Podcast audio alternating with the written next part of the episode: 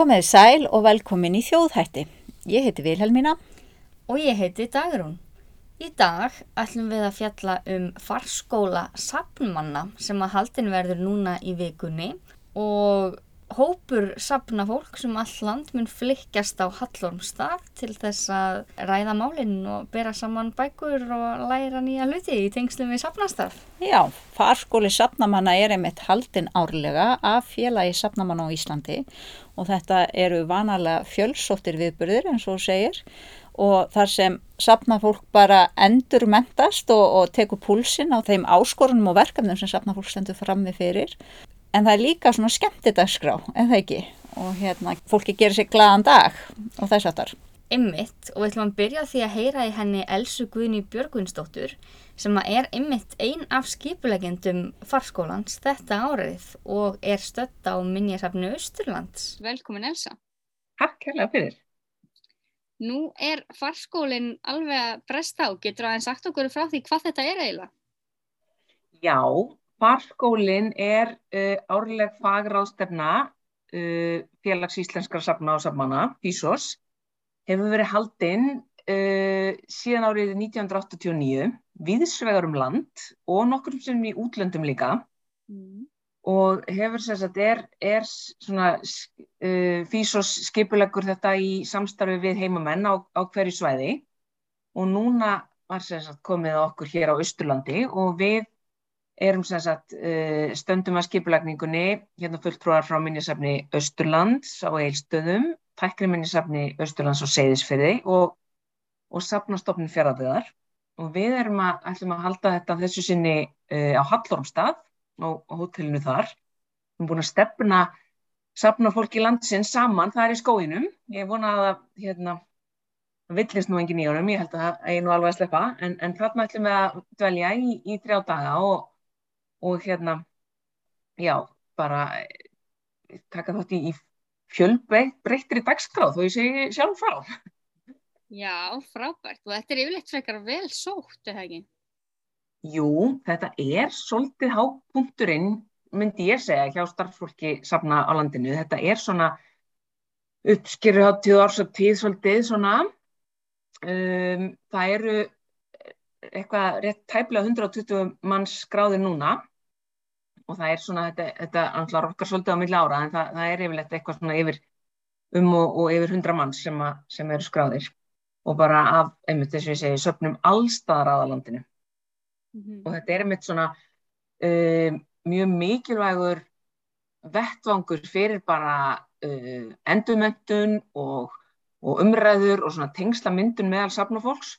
Og kannski svona ekki síst mikilvægur fyrir þessi minnisöpp sem eru svona hér og þar um landi, þar sem eru kannski, kannski fámennar stopnarnir og það er bara ofbúslega mikilvægt að koma saman og hittast og bera saman bækur því að þetta eru náttúrulega svipuð verkefni og, og vandamál sem að hérna, við stöndum flest fram í fyrir og það er bara mjög gott að geta hitt kollegana og, og, og hérna, rætt uh, málinn og bara, ég myndi þess að segja, mynda tengsl og það hafa sprottið upp á þessu samstagsverkefni og ýmislegt fleira. Þannig að þetta er bara já, mjög mikilvægur liður í, í sapna starfsemi landsins. Algjörlega og starfsemi sem er gífurlega öflug og fjölbreytt.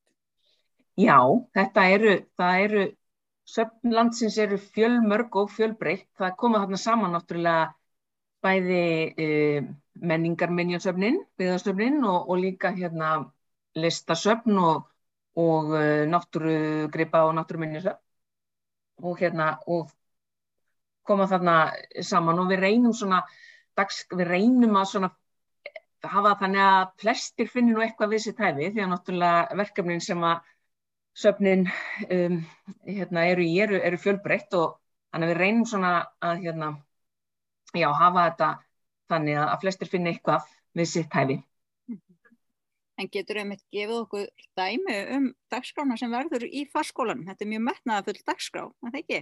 Já, jú, ég get hérna gefið ykkur dæmi um það sem við verðum með í bóði. Þetta er sem sagt, í rauninni er þetta yfirleitt þannig sett upp að það eru fyrirlestrar fyrir uh, allan hópin og svo getur fólk valið sér málstofur þar sem að er svona farið yfir hérna málinn í, í smerri hópum. Það er svona til þess að reyna að komast til móts við við sem flesta.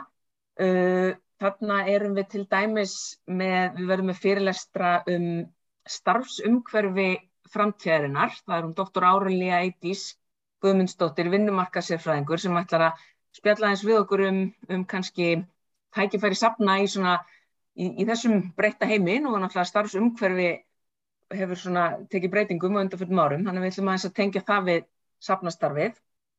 Svo ætlar hann Skúli Björn Gunnarsson hjá Gunnarstofnun á Skriðuklaustri að, að fjalla eins uh, um menningamidlun á nýjum tímum en, en uh, stofnunin sem hann fyrir fyrir hefur verið mjög duglega að svona, uh, finna sér nýjar leiðir til að miðla menningararfunum og mjög gaman að sjá hvað þau er að gera.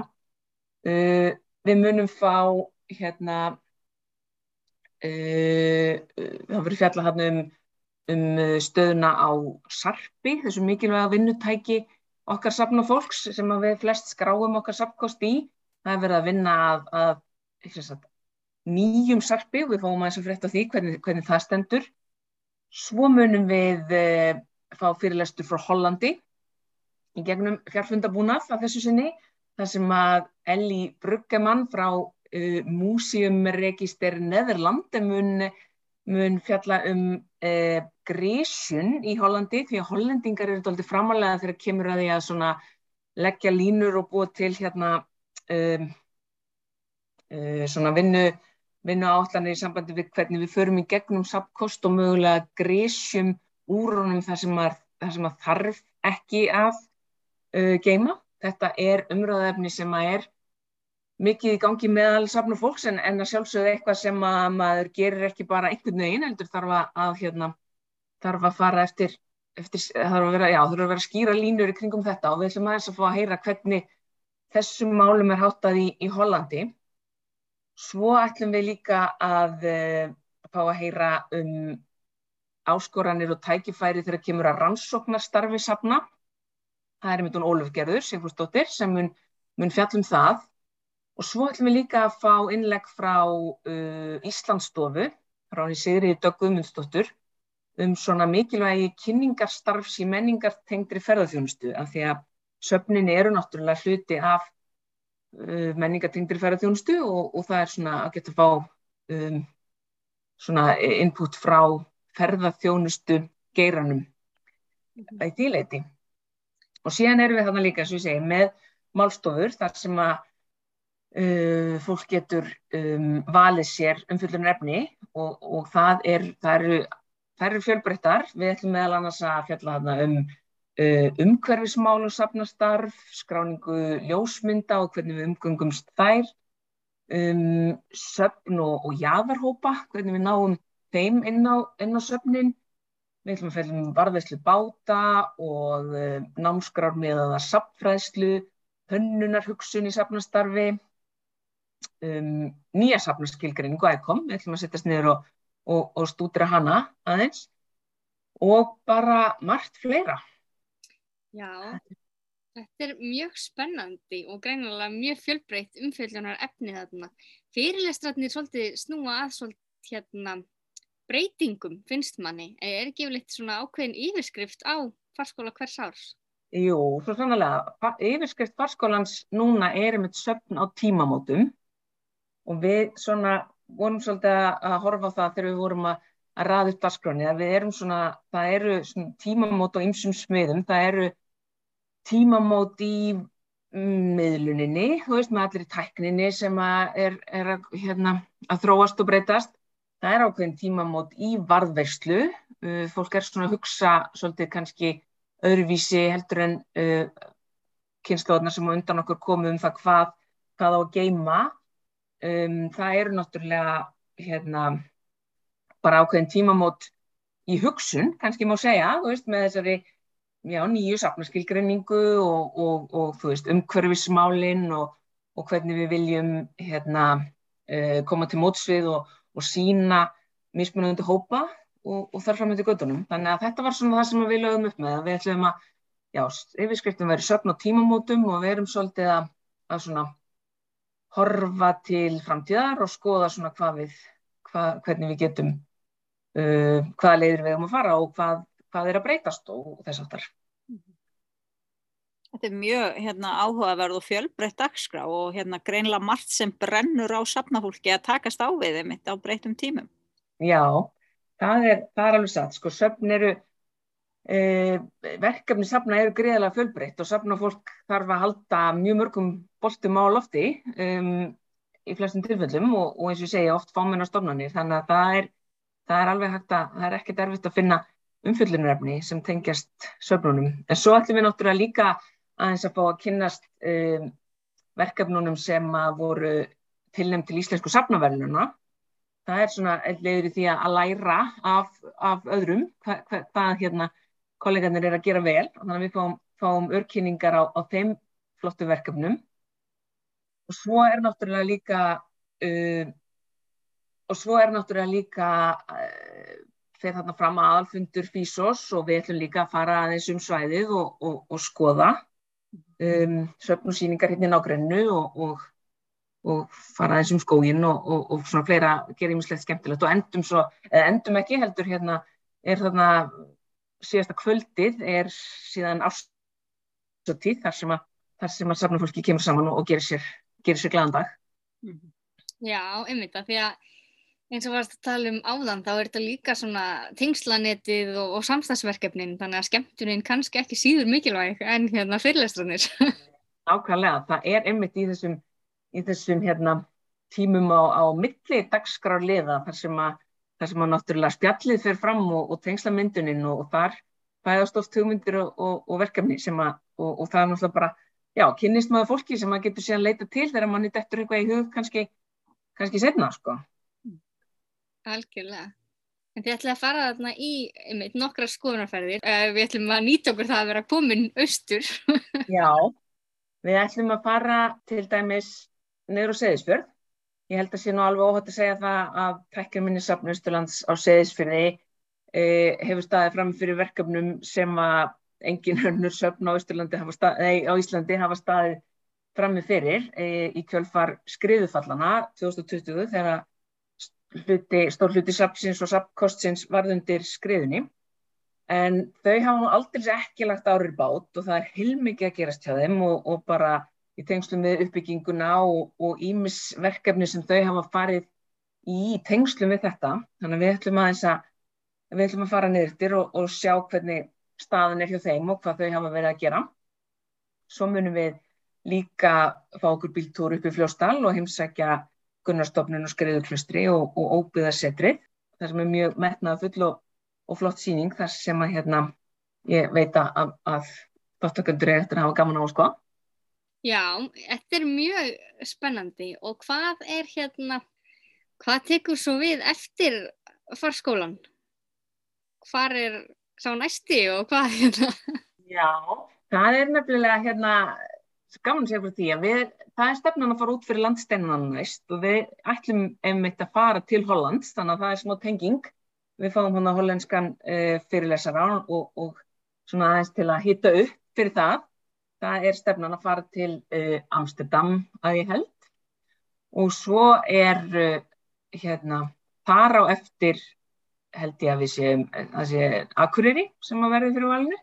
Þannig að það, er, það verður hérna, við getum alveg byrja að hlaka til næstu, næstu farskóla. Það er hérna, það er nóg framöndan, það er, engin, það er alveg á hreina þeir, það eru komnir hérna nokkrir á, á dagskrá. Það vundum að hlaka til, hver er þú spenntust fyrir á farskóla ársins? Ú, það er góð spurning sko, ég hérna uh, er mjög spennt fyrir að heyra náttúrulega bara fyrirlestrana, kannski gaman að heyra frá Hollandi, hérna hvernig, hvernig hérna þau hafa þessum málum, ég held að það sé kannski svona það sem að, já ég er svona einna spenntist fyrir en svo náttúrulega bara hitta hópin, þetta er, þú veist, ég er búin að vinna á safni síðan 2015 og hefur alltaf farið á farskólan nema einu sinni. Og hérna, og þetta er náttúrulega bara orðið svolítið eins og ættamót, sko, maður er bara komin að til að hitta, hitta vinn og kunningja, þannig að þetta er, þetta er alltaf miklir, miklir fagnaða fundir og, og skemmtilegt þegar þessi hópur hittist. Einmitt. Þetta verður á nefa mjög hérna, bæði fróðlegt, gaglegt og, og skemmtilegt. Bara takk kærlega fyrir spjallið, Elsa. Takk kærlega fyrir sem leðis. Já, þetta verður sannlega áhugaverð dagskrá sem fer fram á Hallónstað í vikunni en við ætlum einmitt að fá smá nasa þef af því sem verður á dagskrá og ætlum næst að heyra í Ólöfu Gerði Sigfúsdóttur, doktorsnema í Safnafræði hér við Háskóla Íslands. Hún ætlar að fjalla um nýja skilgrinningu og söpnum, er það ekki? Jú, hún ætlar að segja okkur frá einmitt nýju safnaskilgreiningun sem kom frá ICOM og við skulum bara bjóða Ólu gerði velkomna. Velkomin, gaman að segja þig. Takk fyrir. Nú erstu að fara að ræða um nýju safnaskilgreiningu ICOM í þessari málstofu. Gætur þú kannski byrjað að segja okkur aðeins hvað ICOM stendur fyrir, hvað það er? Já, ég skal gera það. Reyndar eru við tvö með þessi málstofu því kannski hafi ekki fengið nýjast upplýsingar. Það bættist innan við félagi minn í stjórn Íslandsdeildar ICOM, hann Holmar Holm. Þannig við ætlum að saman að vera með þessi málstofu á farskólasafnamann í næstu viku, ég vildi bara segja það. En hérna, já, hvað er ICOM? ICOM er sem sagt hérna ofsalega stór svona alheims samtök safna og í þessum samtökum eru hvað, 55.000 meðlumir frá 140 okkar löndum. Þannig að þetta er mjög svona alþjóðavætt samtök og þau voru stopnið uh, einhvern tíman upp á 1950 eitthvað svo leiðis og sem sagt í hverju landi fyrir sig eru svo kallar landsteldir þannig að hérna á Íslandi erum við með Íslandssteld og, og uh, þar hérna starfa ég sem sagt með mínum félögum í stjórn. Og alþjóður að sapna er svona var stopnað svona til þess að reyna að, að skilgræna einhvers konar svona samileg viðmið um hvað það þýður að uh, við hafa svona faglegt starf á sapnum og meðal annars þá gefur uh, þið út uh, síðareglur fyrir sapn og sapstjóra og sapnfólk, sapnamenn eins og það heitir í íslensku. Ég munum frekar kalla kannski bara sapna fólk, sapna starfsmenn sem sagt eh, til að starfa eftir og það er svona það sem við gerum hérna á Íslandi, Íslands deildinni, við svona fylgjum þessu eftir, gefum út uh, eh, segurreglunar á íslensku, þýðum þær og höldum hérna námskeið fyrir sapna fólk mm -hmm. uh, uh, til þess að reyna að innlega þessar, hérna, við, þessi viðmið um faglegheit og fagmennsku í safnastarfi. Þetta er svona eitt af því sem við gerum og svo höldum við e, alþjóðlega safnadaginn hátilegan e, hér á landi eins og er gert e, bara í öllum þessum aðaldarlöndum og veitum íslensku safnavelunin og stöndum fyrir alls konar viðbörðum og mál, svona málþingum eða umræðum um hvað eina sem að kann að koma upp varandi bara safnastarf mm. hér á landi. Þannig að þetta er bara reysa stór alþjóðlegu vettvangur um faglegt starf safna. Algjörlega og bara mjög gaglegur sem slíkur. Mm -hmm. Þetta er náttúrulega rosalegt bák. Þetta er reysa stórt hérna, svona, og þungt í vöf með þetta. Þeir eru svona margi meðlumir og rosalega stór hérna, höfustöða skrifstofan og svona. En þetta er, hefur verið mjög gaglegt og bara fyrir mig eftir að ég byrjaði svona að svona, taka þátt í safnastarfi hérna á Íslandi eða safna umræði hérna á Íslandi þá hefur þetta bara mjög góður brunnur til að sækja í og þetta er svona tengslanett og hérna já, fólk svona ræðir hlutina og, og meilamálum og, og reynir að búa til einhvers konar hérna grundvöll, mm. veist, fyrir, fyrir sínu starfi, sko. Mm. Og það hefur nú verið, einmitt, ekki lítið, lítið grundvall á málefni sem við erum að taka afstöðu til og það er bara sjálf skilgreiningin, hvernig söfn eru skilgreint. Einmitt. Þetta er náttúrulega ómögulegt verkefni að vera hérna, skilgruna það í eitt skipti fyrir öll, fyrir alla og öll og bara öll söfn í öllum löndum í heiminum hvað söfn er. Þetta er náttúrulega söfn eru svo ólík innbyrðis og síðan eru hérna, menningarlegt umhverfi ólíkt millir landa og hérna tegundirsapna eru náttúrulega uh, fjölmarkar og svona þannig að þetta er mjög erfitt verkefni en auðvitað er þetta hérna, þarf einhvern veginn að við verum að vita hvað við meinum þegar við tölum um söfn og sérstaklega þegar við tölum um faglegt starfi í söfnum og svona eins og ækom gerir.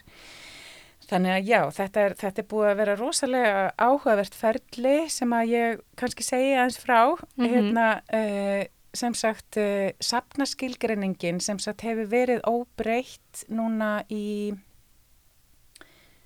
15 árið eitthvað svo leiðis, mm. hérna frá 2007 þá var síðasta breytingin og þar áður var hún óbreytt í 30 ár. Þannig að það er ekkit einfalt að breyta svona, hérna, þetta er eins og að snúa móðurskipi bara út á ballarhafi. uh, þannig að þeir, bara svona, ég er svona að setja í samikið, þetta gerist ekkit bara 1, 2 og 3 og, og það gerist heldur ekki þannig í þetta sinn. Hérna, fyrsta sem sagt uh, tilraunin til þess að skapa þessa nýju skilgreiningu var gerð eh, svona formlega og ofnberla í allsérjarþingi ICOM í Kyoto í Japan 2019 þar sem að sem sagt ég var stött og, og margir aðrir úr íslensku safna, íslenskum safnaheimi voru einni viðstattir þennan viðbur sem var sögulegur vegna þess að hérna, þessi skilgreining sem var lögð fram þar var í rauninni fælt Mm. og hún þótti of uh, rótæk og hún þótti of svona ljóðurann í tungumálinu sem var sett fram í og hún þótti daldi svona bera vott um svona einhvers konar svona vestræna slagsíðu á hugmyndinu um safn Mhm. uh, og jafnvel daldi svona útopísk og sem sagt uh, það sem að þetta snerist um að þarna voru svona hugtök eins og söfnuru fjölrata rými og þau að standa verðum mannréttindi og og ímislegt fleira sem að var ekki í eða er ekki í gömlu skilgrinningunni og uh, það var líka mikil, stóð mikil styr um aðferðafræðina hvernig þessi skilgrinning uh, var þróuð sem sagt uh, aðkomu og þáttöku safna, hins alþjóðlega safnasamfélags var líka gaggrínd þannig að þetta fjall allt um sjálft sér þannig í Kyoto eins og sögur, frægar sögur fara að. Og síðan þá eru liðan þrjú ár þetta alls eru þingið haldi á þryggjára fresti og núna er því nýlokið í Prag og hérna þá tókst að hérna, ná samþygt með alveg miklu meiri hluta kjósenda, alveg 90 okkar prósent hérna, kjósenda sem, sem eru þá bara meðlumir í samtökunum Mhm. kusi þá með nýri skilgreiningu sem að hérna, þykir vera aðeins svona uh, hérna, hvað heitir það svona moderate, hérna Hóvari. hóværari, Hófsamari. já, hófsamari uh, en samt skrif fram á við og hérna og já, þannig að það er staðan sem við erum að vinna með núna. Og var hún þá líka þróuð á annan hátt, svo skilgreining heldur en þessi sem var fælt? Já, hún var sem sagt með svona viðtakari, sam, viðtakara samráði uh, um, sem sagt og var sett upp í svona fleiri þrepum og það var mikið bara eh, gert upp úr því að hleypa að svona sem fjölbryttustum röddum og sem viðtakasta, sem sagt viðtakastri þáttöku uh, úr öllum heimsornum og sjálf var ég búin að fylgjast með hvernig þetta hefur ge gerst þó þetta sé náttúrulega aldrei fjarlægt manni en þá eru það eru búin að vera fjölmarkar hér, fjölmörg tækifæri til að hafa áhrif á þetta. Sem sagt við sem erum hér í okkar landsteild sendum inn sagt bregðumst við skoðanakönnunum og tökum þátt í alls konar einhverjum hérna svona eh, vali á orðum og, og hugstormum og alls konar svona í gegnum allt þetta ferli þannig að hérna það er held ég nú ekki hægt að setja út á aðfyrrafræðina sem slíka sko. Þetta, er, þetta var eiginlega bara daldi afreg sko, hvernig þetta tókst á öndanum hvað sem fólki síðan finnst um innihaldið sko. Mm Þannig að já, það var bara flott. Einmitt. Og hvað fælst svona helst í þessari nýju skilgreiningu? Já, einmitt, hérna sko, hún er að helmingurinn af henni er kannski svona eins og gamla skilgreiningin þar sem að sem sagt, hlutverki safna er líst og þeim er líst sem sem sagt óhagnaðadröndum stopnunum sem sagt stopnunir sem að ekki að, að græða peninga og þær, þau að vera varanlegar stopnunir sem sagt stopnunir sem er ekkit auðvelt að leggja af. Uh, og svo er hlutverkinu líst að hlutverkunum þau rannsaka, þau varveta, þau miðla og þau uh, sína svona bara mjög svona hérna klift og skórið Mm en það sem að, og haldið ykkur nú það sem að gerðist núna er að sem sagt eh, það var niðurstaðan að vera ekki að tiltaka eins og er gert í gömniskilgreiningunni það er vera að aðgreina sem sagt menningarlegan og náttúrulegan eh, arf, eða sem sagt menningararf og náttúruarf. Núna er þetta bara kallaður arfur og þetta var mjög áhugaverð umræða núna hvernig það kom til að hérna, á einum af þessum fundum að þá var þetta sagt mjög svona mikið rætt að söfn sem sagt og landsdeildir utan hins vestrana heims voru bara til hvers að vera að aðgreina menningu og náttúru. Við gerum það ekkert í okkar samfélagi -hmm. og þetta er bara einhver vestran, vestran tilbúningur að vera hérna, skipta þessu svona tvent og hólfa þetta svona niður. Við lítum svo á að arfur sé bara arfur, hvort sem hann kemur, hérna, hvaðan sem hann kemur og okkar hlutur gera varveitan og sapnunum og, var, og, og sínan og miðlanum og allt það. Þannig að þetta var sérst niðurstan að, að, að skilgreiningin núna aðgreinir ekki þarna milli. Þannig að það, söfn gera þetta rannsaka safna varveita miðla á alltaf og sína áþreifanlegan og óáþreifanlegan arf. Og þetta óáþreifanlegur arfur var sko hérna, nýjasta orði sem komst hann inn 2007 sem að tók rosalega mörg ára að koma inn. Þannig að þið sjáu hvernig hérna hlutinir taka eh, breytingum bara á laungum tíma.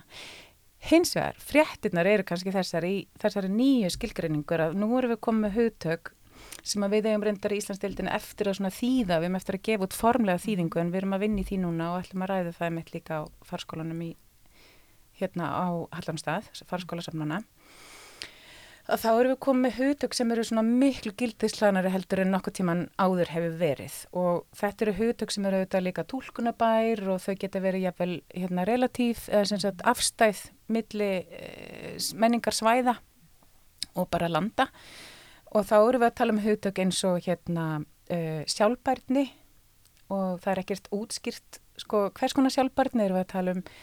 Uh, sjálfbærni í tengslum við umhverfið, náttúru, félagslega sjálfbærni eða fjáraslega sjálfbærni eða hvað? Uh, svo eru við með hugtök eins og hérna hefur nú staði nokkuð styrum hvernig á þýð á íslensku sem er enska hugtakið inclusion sem að oftast er þýtt sem inngilding en -hmm. er svona verið að ræða um þá hvernig eiga þýða og það þýðir bara að sefn eiga að vera ofin öllum og, og eiga ekki að vera útlokandi fyrir neina hópa uh, minni hluta hópa eða hvaða hópa sem er samfélagshópa svo er gert ráð fyrir að svefn vinni í svona kannski nánari tengslu við sitt umhverfi og sín samfélag mm -hmm.